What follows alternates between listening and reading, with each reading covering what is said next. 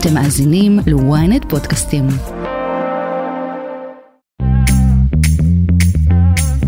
שלום לכם, שבוע טוב. אתם על כסף חדש, הפוד הכלכלי היומי של ynet, אני רועי כץ. היום, יום ראשון, תשעה ביולי, ואוהו, יש לנו פרק עמוס עמוס עבורכם. האם אנחנו הולכים לקראת השבתה גדולה ומשמעותית במשק ביום שלישי הקרוב? השבוע הזה נפתח עם הודעה דרמטית של קבוצת ביג, קניוני ביג, שתשבית את כל מרכזי הקניות אם החוק לצמצום עילת הסבירות יעבור מחר בקריאה ראשונה. בכך ביג מצטרפת לחברות הייטק וגם לגופים אחרים שהודיעו שיאפשרו לעובדים לשבות. אבל לפחות נכון לשעות הצהריים המאוחרות נראה שהרבה גופים במשק עדיין יושבים על הגדר, גם כאלה ששבתו ביום שביתה ההוא הגדול במרץ האחרון, אולי גם לאור האיומים בחרם על ביג, כבר איומים בחרם על ביג מצד תומכי החקיקה המשפטית. אנחנו נעסוק מיד בעניין הזה בהרחבה עם פרשננו גד ליאור. בינתיים אנחנו שומעים מאחורי הקלעים על גופים נוספים, אפילו איזושהי התייעצות כנראה בקרב אה, ראשי הבנקים, האם כמו שהיה בשביתה הגדולה של ההסתדרות, להצטרף. עוד בפוד, נדבר על השביתה הארוכה, שככל הנראה צפויה במערכת החינוך בתחילת שנת הלימודים הבאה. יושב ראש ארגון המורים בבתי הספר העל-יסודיים רן ארז, הוא כבר מבקש עכשיו מהמורים להיערך כלכלית לשביתה, שכן הם לא יקבלו שכר על ההשבתה שנגיד יואב קיש, שר החינוך, מעריך אותה בחודשיים.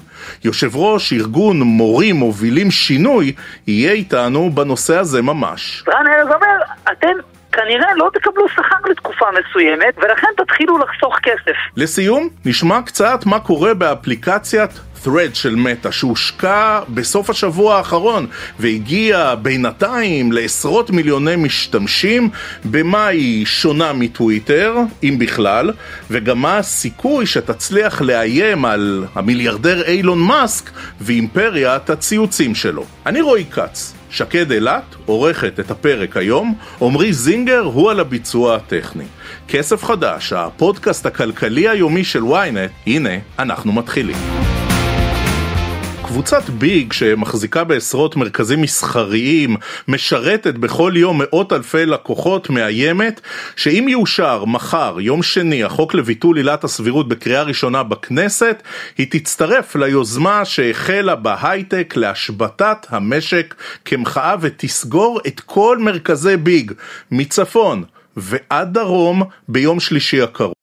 על מנת למחות באופן חריג ולמנוע את העברת החקיקה המושחתת הזו, מודיעים בחברת בי, אנחנו נשתתף ביום ההשבתה שמתוכנן ביום שלישי, מרכזי ביג מקריית שמונה ועד אילת יושבתו וייסגרו, לשון הודעת החברה מהבוקר.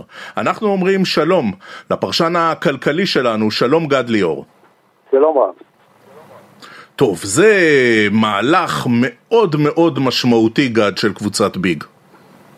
זה מהלך משמעותי, מדובר במאות רבות של חנויות בכל רחבי הארץ, מקריית שמונה ועד אילת, גם באילת יש, יש ביג.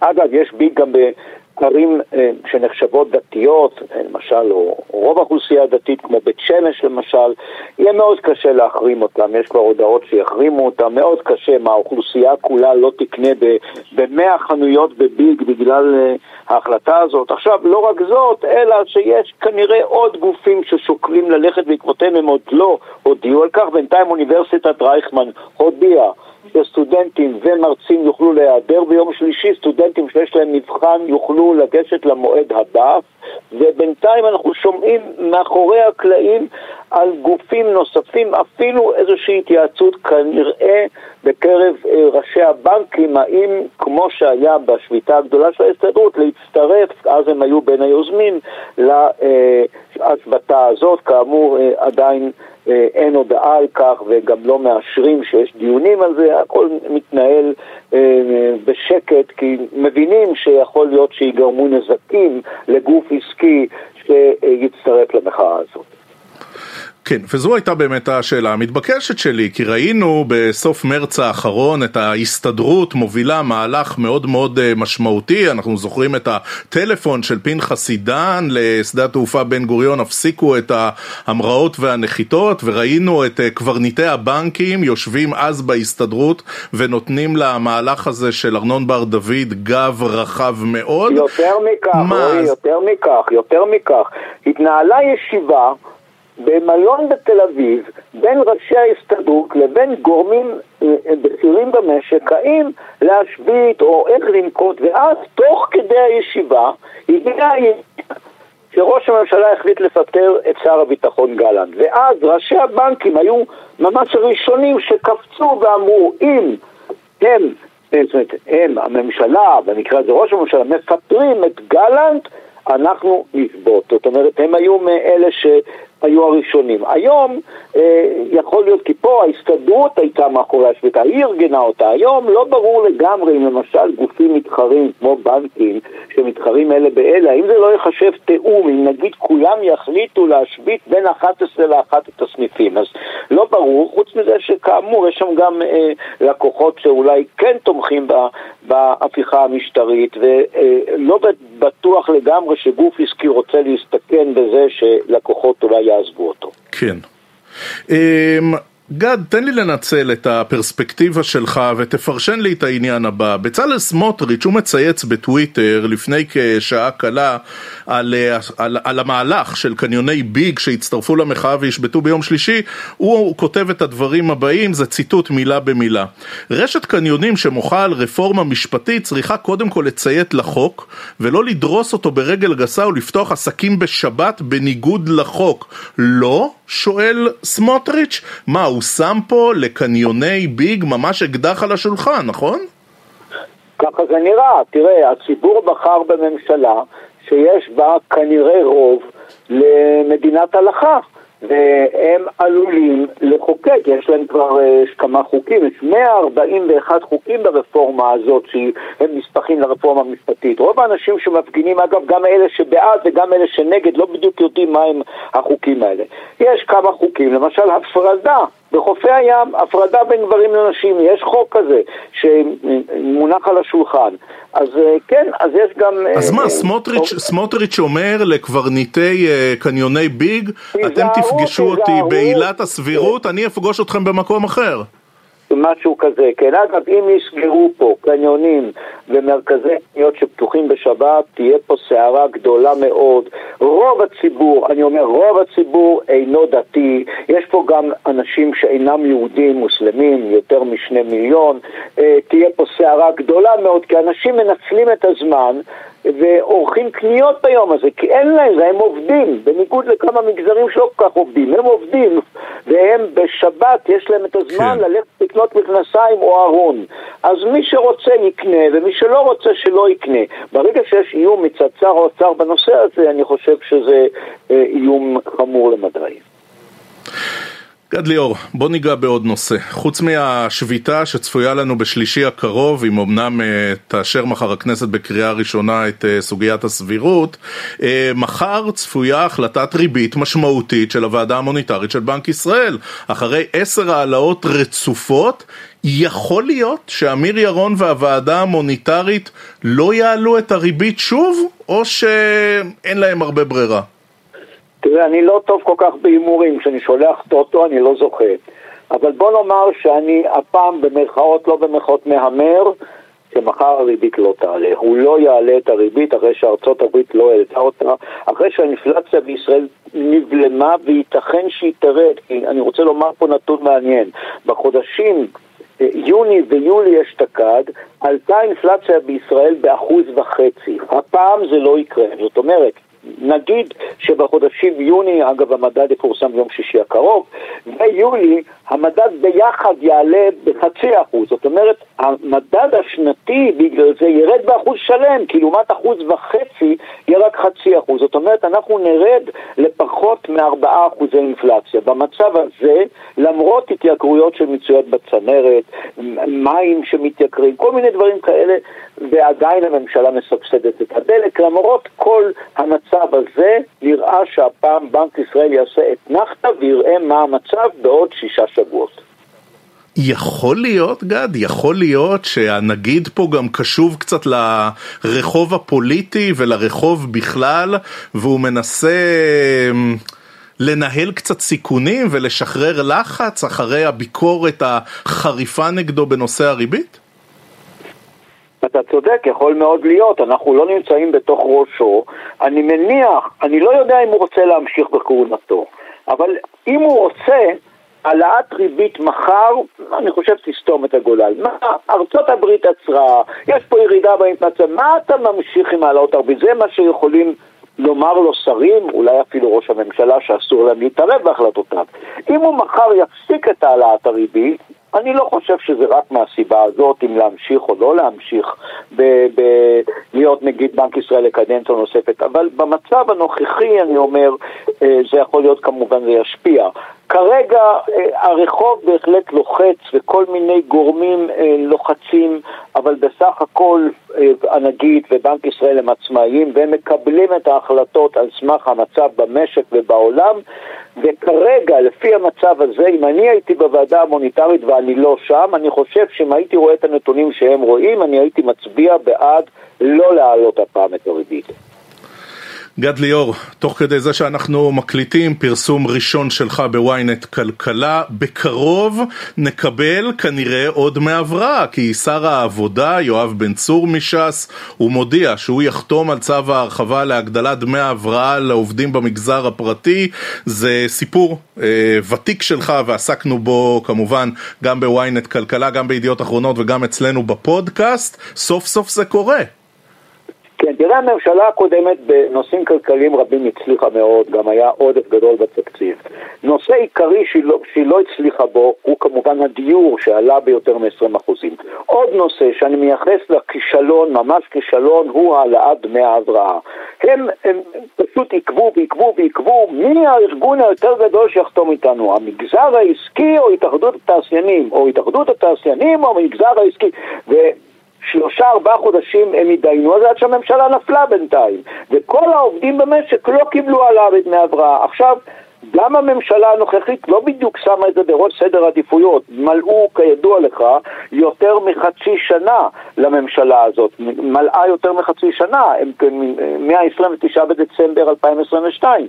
סוף סוף שר העבודה חתם היום על כוונתו, יש הליך כזה לחתום סופית על הצו בעוד חודש, בינתיים יש שימועים, אם מישהו מתנגד לזה, יכול להיות חלק מהמעסיקים, mm-hmm. ואז mm-hmm. יוחלט להעלות את, את דמי ההבראה מ-378 שקלים, זה לא עלה בשנה שעברה ולא עלה בשנים האחרונות, ל-418 שקלים החל כנראה משכורת אוגוסט או משכורת ספטמבר, בדקתי מלשכת השר, הם אומרים שהכוונה היא לא להעלות עכשיו בשנה הבאה בדמי אבטלה לשלם, אלא עכשיו, תוך חודש וחצי, חודשיים, לשלם לכל העובדים במשק שאינם עובדי מדינה, לשלם להם את התוספת. נו, וזו בשורה של ממש, וזה פרסום ראשון שלך, גד ליאור, בוויינט כלכלה, ממש תוך כדי זמן ההקלטה שלנו. גד ליאור, פרשננו הכלכלי, תודה, תודה רבה על השיחה. תודה רבה. כסף חדש כסף חדש, אנחנו עם העניין הבא. דריכות במערכת החינוך לקראת שביתה משמעותית של המורים בבתי הספר העל-יסודיים בפתיחת שנת הלימודים הבאה. גם אה, שר החינוך יואב קיש, גם רן ארז מרמזים לשביתה ארוכה ומשמעותית מאוד. השר קיש, שר החינוך, דיבר על כך שהוא מעריך שביתה של חודשיים. בינתיים, רן ארז, יושב ראש ארגון המורים בבתי הספר העל-יסודיים, מוציא איגרת בסוף השבוע האחרון למורים, ואומר את הדברים הבאים. הוא אומר, דרישות ארגון המורים לתוספות שכר אינן מוגזמות, כמו שהשר חוזר ואומר. הוא קורא לכל המורים לעשות הכנות מתאימות, כדי שביחד נצליח לעמוד כלכלית במאבק זה, וגם אומר למורים שכפופים לו שזאת תהיה חופשה נעימה וחסכונית, ורן ארז יותר ממרמז, וקורא למורים שלו להיערך לשביתה ארוכה שתעלה להם הרבה הרבה כסף. אנחנו בכסף חדש אומרים שלום למורה, ליזם החברתי, למנכ"ל ארגון מורים מובילים שינוי, שלום טל לוריה. היי, מה המצב? אני בטוב, תגיד, על מה מדבר רן ארז כשהוא אומר תערכו כלכלית? על מה הוא מדבר כשהוא אומר חופשה נעימה וחסכונית? מה, חודשיים המורים לא יקבלו שכר אם רן ארז שובת? זה בדיוק מה שרן ארז אומר לנו. בעצם הוא אומר את הדבר הבא. תראו, אנחנו במסגרת המאבק שלנו יוצאים לשביתה. בסדר? שוב, הוא כמובן מדבר אה, מה שנקרא בשם כל המורים שהוא מייצג אותם, כן? אז הוא אומר, בגלל שאנחנו יוצאים לשביתה, אז אנחנו לא נגיע לעבוד בבית ספר, ומטבע הדברים, מי שלא עובד, לא צריך לקבל שכר, נכון? על, כי הוא לא עבד. אז רן ארז אומר, אתם כנראה לא תקבלו שכר לתקופה מסוימת, ולכן תתחילו לחסוך כסף. זה בדיוק מה שהוא, כלומר, מצד אחד הוא אומר, המורים לא מרוויחים מספיק, כן? אני רוצה לדאוג לתוספת שכר, אבל במקביל הוא אומר באותה נשימה, כמובן שהוא ימשיך לקבל שכר, כן, בזמן השביתה הזאת, כן? אבל המורים הוא אומר פשוט תחסכו כסף. עכשיו, כמה כסף אני אצטרך לחסוך? אני לא יודע. לכמה זמן? אני לא יודע. דרך אגב, אפילו מה הדרישות של רן ארז? גם את זה המורים לא כל כך יודעים. כלומר, הוא יושב שם, מקבל החלטות, המורים עוד לא יודעים, כן? עוד לא יודעים תהיה שביתה או לא תהיה שביתה, כן? פשוט אנחנו כנראה נתעורר איכשהו בסוף אוגוסט, או אפילו יום אחרי תחילת שנת הלימודים, לתוך מציאות שבה עכשיו במשך חודשיים אין לנו אה, שכר אה, שאנחנו נקבל בכלל. עכשיו, מה רגע, עוד אחת מה... הנושא... כן. הנושא הזה של אה, עלות שביתה לשובתים הוא אה, נושא שלא מיוחד למורים. בדרך כלל מה שיש זו קרן שביתה שאתה יודע, בה נמצאים אה, הרבה מאוד עשרות מיליוני שקלים, אנחנו מכירים את זה נגיד מגוף כמו ההסתדרות, ושם יודעים לפצות את השובתים, אולי לא במאה אחוז, אבל לייצר מצב שבו השובתים פוטנציאלית, כן, לא נפגעים לחלוטין מזה שהם יקבלו שקל. מה קורה אצלכם המורים? אוקיי, okay, אז תראה, התקדימים, כלומר, מה שקרה בעבר זה שלא השתמשו בקרן השביתה כשהמורים שבתו. מה שקרה בעבר זה שכל פעם שהייתה שביתה של המורים, לא משנה אם ארגון המורים, השביתה הגדולה ב-2008, או השביתות השונות של הסתדרות המורים, אחרי זה, אחרי זה הגיעו להסדר עם משרד האוצר, סלש משרד החינוך, שבו בשנייה שנחתם הסכם השכר פשוט שילמו שכר רטרו עבור, למורים עבור זמן השביתה. הבעיה שאנחנו לא יודעים אם זה יקרה גם הפעם. זאת בעיה ראשונה. כלומר, יכול להיות שמשרד, שמשרד האוצר יגיד, תקשיבו, אני לא הולך לפצות אתכם על הזמן ששבתתם, אני לא הולך להגיע להסדר כזה. זאת בעיה ראשונה. בעיה שנייה, זה שבגלל שמדובר באגודה עות'מאנית, אז זה בעצם סוד מאוד מאוד שמור, אחד, האם בכלל קיימת קרן כזאת, ושתיים, כמה כסף יש בה. כלומר, אף אחד לא יודע. כשאני נפגשתי עם רן ארז, ואני אמרתי לו, תקשיב... רק נגיד, לה. רק נגיד למאזינים שלנו, שאחת ההגנות של uh, אותם uh, גופים שעובדים תחת uh, אגודות עות'מאניות, זה שהם פשוט לא נדרשים לשקיפות, כמו שאנחנו מכירים מארגוני מגזר שלישי אחרים. תמשיך, טלוריה. נכון, בדיוק. תזכורת מאוד חשובה. דרך אגב, אני אגיד פה בכוכבית שאחרי התקנות שהעביר אה, גדעון סער בקדנציה שלו כשר המשפטים, שהוא מנחה את האגודות העות'מאניות להתחיל, אה, להתחיל לדווח, אז ארגון המורים באמת שלח איזשהו דיווח ראשוני כזה, מאוד מאוד מאוד כללי, כן? אבל קרן השביתה כמובן לא מופיעה שם, זה אומר שאנחנו... כמורים שמיוצגים על ידי רן ארז וכמורים שמה שנקרא ינחו אותנו לשבות, אנחנו, אין לנו שום ערובה לכך שאלפי או עשרות אלפי שקלים שאנחנו נפסיד לתקופה שבה לא עבדנו, אין לנו שום ערובה על כך שאנחנו נפוצה על זה.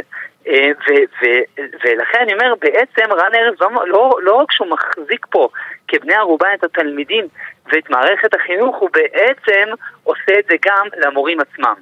ונראה שלאף אחד לא כל כך אכפת ואף אחד לא ממש מנסה לעצור את הכדור השלג הזה שמתגלגל עכשיו במורד המדרון החלקלק. כלומר, אנחנו ממש... זה, איזו, איזו מין מציאות זאת שעומד שר חינוך ועומד יו"ר ארגון מורים חודשיים לפני תחילת השנה והם כבר מודיעים חודשיים לפני אנחנו יודעים שהולכת להיות שביתה. יש לכם חודשיים להיערך לשביתה הזאת, אה, הם אפילו לא נפגשים היום. אין אפילו, כן, המשא ומתן אה, אפילו לא מתנהל, כולם מחכים לסוף. נגיד למאזינים שלנו שאנחנו ביקשנו כמובן לשוחח עם רן ארז, אה, לא הצליח לנו מסיבותיו, ואנחנו אה, רוצים רגע להעמיק עוד בעניין הזה. תראה, הרי הנפגעים הגדולים ביותר מזה שהם לא יקבלו משכורת חודשיים הם כמובן המורים הצעירים. אותם אה, אנשים שביקשו להיכנס למערכת החינוך, בין אם מתפיסות ערכיות ואידיאולוגיות, בין אם מתפיסות אחרות. מה, מה עושה אדם? בין 26-27, מורה צעירה, מורה צעיר, שחודשיים לא יקבל משכורת. אז רן ארז אומר, באותה איגרת מסוף השבוע האחרון, הוא אומר, על שר החינוך להביא בחשבון, שבזמן שביתה ארוכה קודמת, מורים חיפשו ומצאו תעסוקה אלטרנטיבית, אטרקטיבית אחרת, ולא חזרו בתום השביתה, סוף ציטוט. זה נכון, טל לוריה? שרק נגיד למאזינים שלנו, אתה בהחלט מוגדר כמורה צעיר. נכון. עכשיו, צריך לומר, קודם כל, אף אחד לא יודע. כלומר, מש- משרד החינוך לא מתהדר כאיזשהו משרד שקוף שאוהב לפרסם כל הזמן נתונים אה, על המורים, כמה מורים פרשו, כמה נכנסו, מה האלטרנטיבות, לאיזה מקצועות הם עברו. כלומר, רן ארז יכול לטעון את זה אה, כאהבת נפשו, אבל אף אחד לא יודע אם באמת בשביתה הקודמת המוני מורים עזבו את מערכת החינוך. עכשיו, רגע צריך להגיד את זה, מי המורים שיעזבו את מערכת החינוך בהינתן סיטואציה כזאת? אלה דווקא המורים שיש להם אלטרנטיבה, וזאת בעצם אחת מנקודות המחלוקת הגדולות ביותר בנוגע להסכם השכר. שרן ארז אומר, לי, אותי לא מעניין מורים אם יש להם אלטרנטיבה בחוץ או אין להם.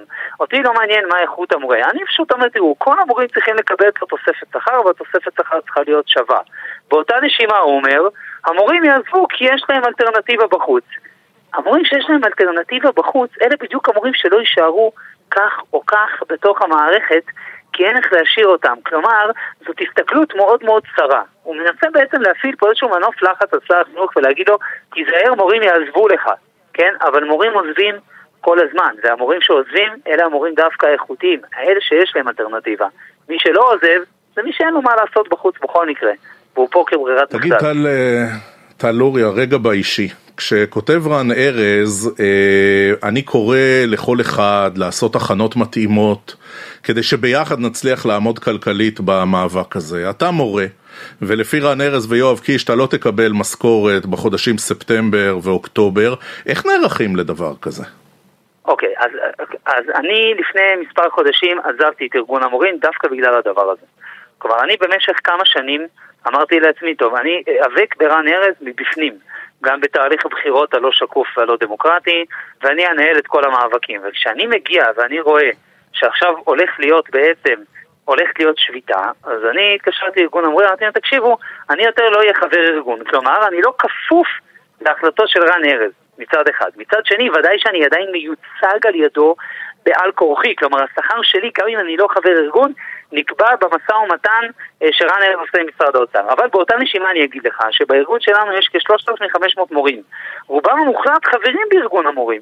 כן, מורים לא יעזבו כל כך מהר את הארגון שגם ככה מייצג אותם, כן, וגם ככה קובע את השכר שלהם, מורים לא יעזבו כל כך מהר את הארגון הזה. זה סיפור שהוא סיפור קשוח גם חברתית בתוך בית הספר, גם תדמיתית אל מול המנהל, זה סיפור שהוא רגע, לא אבל, קל. אבל זה, ש, זה שעזבת את ארגון המורים, אז מה, אז מה, אז אתה תקבל כסף בספטמבר ובאוקטובר? אז, אז אף אחד, אף אחד לא יודע. והנה אתה עכשיו נגעת פה בנקודה שהיא נקודה מדהימה ועצובה בו זמנית, שאף אחד לא מדבר עליה, גם בתקשורת אף אחד לא מדבר עליה. תחשוב א' על מורים כמוני שלא חברים בארגון המורים. אני אגיע לבית ספר, האם יהיו לי תלמידים? התשובה היא שלא. אז אני אשב שם, האם אני אקבל שכר? אף אחד לא יודע. דוגמה אחת. דוגמה שנייה, קח מורים שמלמדים בתיכונים שש-שנתיים. הם מלמדים בחטיבת ביניים, מיוצגים על ידי הסתדרות המורים, חברים בהסתדרות המורים, אבל במקביל גם עובדים בחטיבה עליונה, שם זה ארגון המורים. אז חצי מהתלמידים שלהם לא יגיעו, אז הם יגיעו, יעבדו שעתיים כן, שעתיים לא, ואז הם יקבלו חצי מהשכר, למרות שהם בכלל לא חברים, אף אחד לא יודע. עכשיו, אני הייתי מצפה משר החינוך, אני הייתי מצפה ממי שמוביל, מהקברניטים של הספינה הגדולה הזאת, לא לחכות לסוף אוגוסט, ואז להיזכר להגיד מה הנהלים ומה צריך לעשות ומה כדאי. אם אתה עכשיו יואב קיש או רן ארז, או לא משנה מי, נערכים לשביתה גדולה שתהיה בעוד חודש וחצי, אתם צריכים כבר מחר להגיד למורים מה יקרה בדיוק לכל מורה ומורה במערכת החינוך בכל סטטוס שבו הוא יהיה. כל עוד אתם לא עושים את זה, אתם מזלזלים בצורה החמורה ביותר בהכנסות ובשכר של המורים. טל לוריה, מורה, מנכ"ל ארגון מורים מובילים שינוי, תודה, תודה רבה על השיחה טל. תודה רבה, כל הכבוד על העיסוק בנושא החשוב הזה. כסף חדש. עכשיו אנחנו לעניין הבא.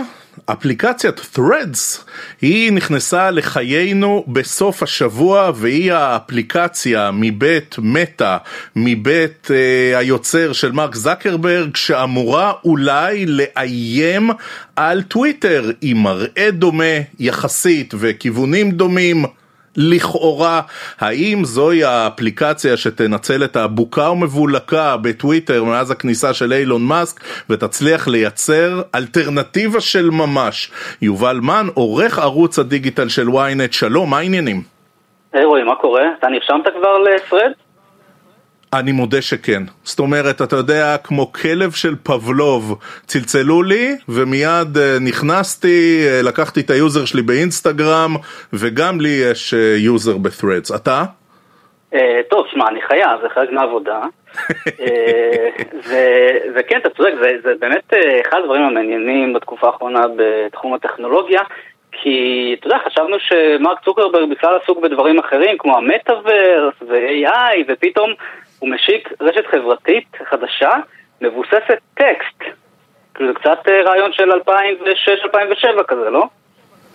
אבל יכול להיות שאתה יודע, כריש שכמותו באוקיינוס הדיגיטלי הוא מריח דם של טוויטר, הוא מריח את הדם של אילון מאסק, שבאמת הברדק שם בחצי שנה האחרונה זה מטורף, הוא אומר בואנה, אני יכול אה, לשבת לו על הבלטה. בדיוק, אז היריבות הזאת בין אה, אילון מאסק אה, ומרק היא באמת ברקע פה, ואגב, אני בדיוק יושב מול כתבה של וול סטריט ג'ורנל, שהכותרת שלה היא שאילון מאסק גרם למרק צוקרברג להיראות שוב מגניב. אה, וזה לגמרי נכון, רואים את זה בימים האחרונים, איך אה, באמת הכאוס הזה בטוויטר והשיח הרעיל וההתנהגות הלא צפויה של אה, אילון מאסק, ככה פתאום גורמת למרק צוקרברג ולמטה לראות קצת פחות גרוע, אחרי באמת שנים שהם סבלו מתדמית אה, ממש בעייתית, וצוקרברג מנצל את זה, וממש, אתה יודע, אתה זוכר את סוף שבוע שעבר, שפתאום אילון מאסק קיבל איזו שורה של החלטות מוזרות, אה, אי אפשר לקרוא ציוצים בלי, בלי להירשם לטוויטר, כן. ואתם יכולים לקרוא רק כמה מאות ציוצים ביום, וכנראה שצוקרברג באמת אה, האיץ את ההשקה של פרדס, וככה היא הושקה ככה כשהיא לא לגמרי אפויה. אבל זה עבד לו מדהים, כי לפי העדכון הרשמי האחרון ביום שישי היו לה כבר משהו כמו 70 מיליון משתמשים, אה, אני מעריך שהיום אנחנו כבר אה, עומדים על מספר הרבה יותר גבוה, אה, וזאת הצלחה ענקית במונחים של רשתות חברתיות. אתה יודע, להגיע ל-70 או 100 מיליון משתמשים תוך כמה ימים זה באמת הישג מאוד יפה. רגע, יובל, תן לי לשאול אותך שאלות ששואלים בדרך כלל, אתה יודע, מבקרי מסעדות או מבקרי קולנוע. נו, אז מה אתה יכול לספר לנו אחרי סוף שבוע ראשון של השקה? זה טעים, לא טעים, זה אסתטי, זה לא אסתטי, אה, זה תחרותי, זה לא תחרותי, אה, אה, איך זה מרגיש לך? תראה, לי זה מרגיש כמו אינסטגרם בלי התמונות. שאתה יודע, שאתה יודע להחמיא, כן. כן, אז, אז תראה, זה, זה נורא מוקדם להגיד מה זאת הרשת החברתית הזאת.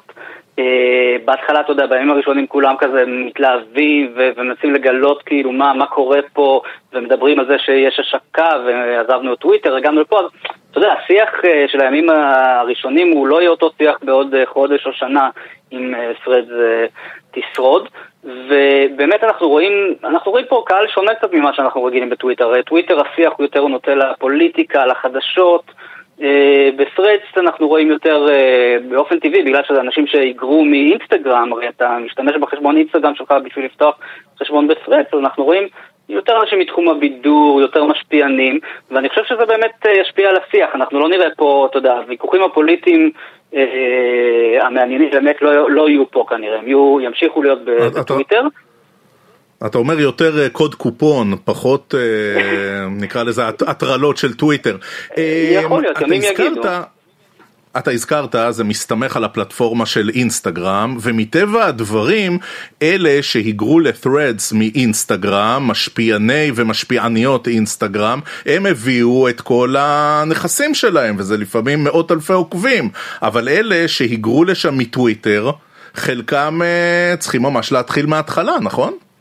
נכון, הם צריכים אה, בעצם להתחיל מאפס ולאסוף את העוקבים מההתחלה, ולכן אני חושב שגם מטא הם אמרו משהו מעניין, אנחנו, הם אומרים אנחנו לא מנסים פה לנצח את טוויטר, אה, אנחנו בעצם מנסים אה, לפתוח מקום חדש, מקום שבו אפשר לדבר על דברים, וזה לא חייב בהכרח להיות פוליטיקה וחדשות, זה יכול להיות בידור, זה יכול להיות מוזיקה, ספורט, לייפסטייל, ואני חושב שאנחנו באמת נוטים להסתכל על דברים כשחור ולבן, האם, האם מטא תנצח את טוויטר?